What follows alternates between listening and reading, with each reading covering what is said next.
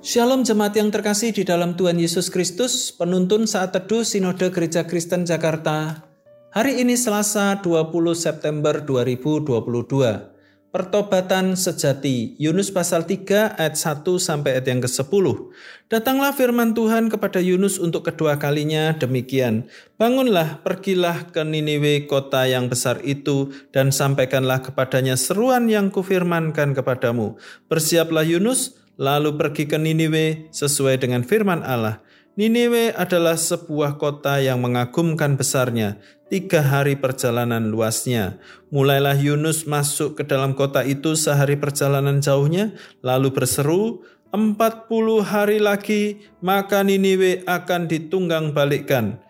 Orang Niniwe percaya kepada Allah, lalu mereka mengumumkan puasa, dan mereka, baik orang dewasa maupun anak-anak, mengenakan kain kabung. Setelah sampai kabar itu kepada raja kota Niniwe, turunlah ia dari singgasananya, ditanggalkannya jubahnya, diselubungkannya kain kabung, lalu duduklah ia di abu.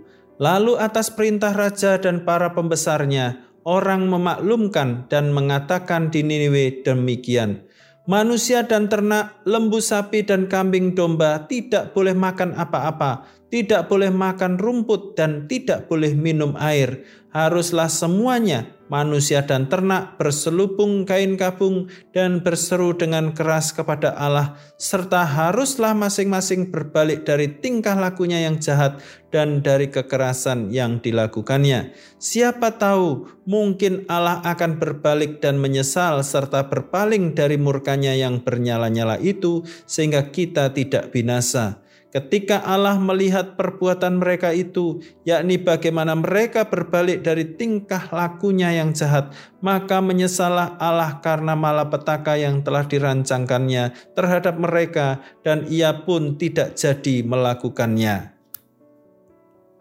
Bagaimana suatu pekerjaan misi bisa dinilai berhasil atau gagal? Tentu saja harus ada indikator yang bisa dijadikan ukuran untuk menyatakan keberhasilan sebuah pekerjaan misi dan pada pelaksanaannya mencapai goal atau tujuan dari misi itu atau tidak. Pertobatan sejati merupakan salah satu indikator keberhasilan misi. Allah mengutus para misionaris tentu saja mengharapkan adanya pertobatan sejati dari orang-orang berdosa yang dilayani. Demikian pula kita sebagai pelaksana Lembaga misi gereja juga boleh mengharapkan hal tersebut. Dalam perenungan kita hari ini ada beberapa indikator yang menyatakan bahwa pelaksanaan dan pengutusan misi yang pada kali ini mencapai hasil yang menggembirakan. Itu karena orang-orang Niniwe yang dilayani oleh Yunus menyatakan sikap dan tindakan pertobatan yang serius. Kita dapat sebut sebagai pertobatan sejati. Selain itu, sebagai misionaris, Nabi Yunus taat sepenuhnya menjalankan tugas pemberitaan firman Tuhan. Pesan yang disampaikannya singkat, jelas, dan penuh otoritas. Tantangan pada orang-orang Niniwe, Alkitab menyatakan indikator yang jelas dari pertobatan yang sejati, yakni mereka percaya pada Tuhan dan mereka merespon dengan sikap berkabung yang serius mereka berpuasa, berkabung, berseru pada Allah, dan bertobat dari perilakunya yang jahat, serta menaruh harapan yang besar bahwa Allah akan mengampuni dan tidak membinasakan mereka. Indikator yang paling akhir adalah menanggapi pertobatan mereka dan membatalkan rencana penghukuman atas mereka karena Allah menilai bahwa mereka serius bertobat. Semua orang hendaklah bersuka cita karena adanya pertobatan yang sejati dari orang-orang yang kita layani, sebab mereka adalah objek dari misi itu. Karena itu, mari kita serius menaati perintah melaksanakan misi dengan sepenuh hati, serius dan segera, dan menyampaikan berita itu dengan jelas dan tegas,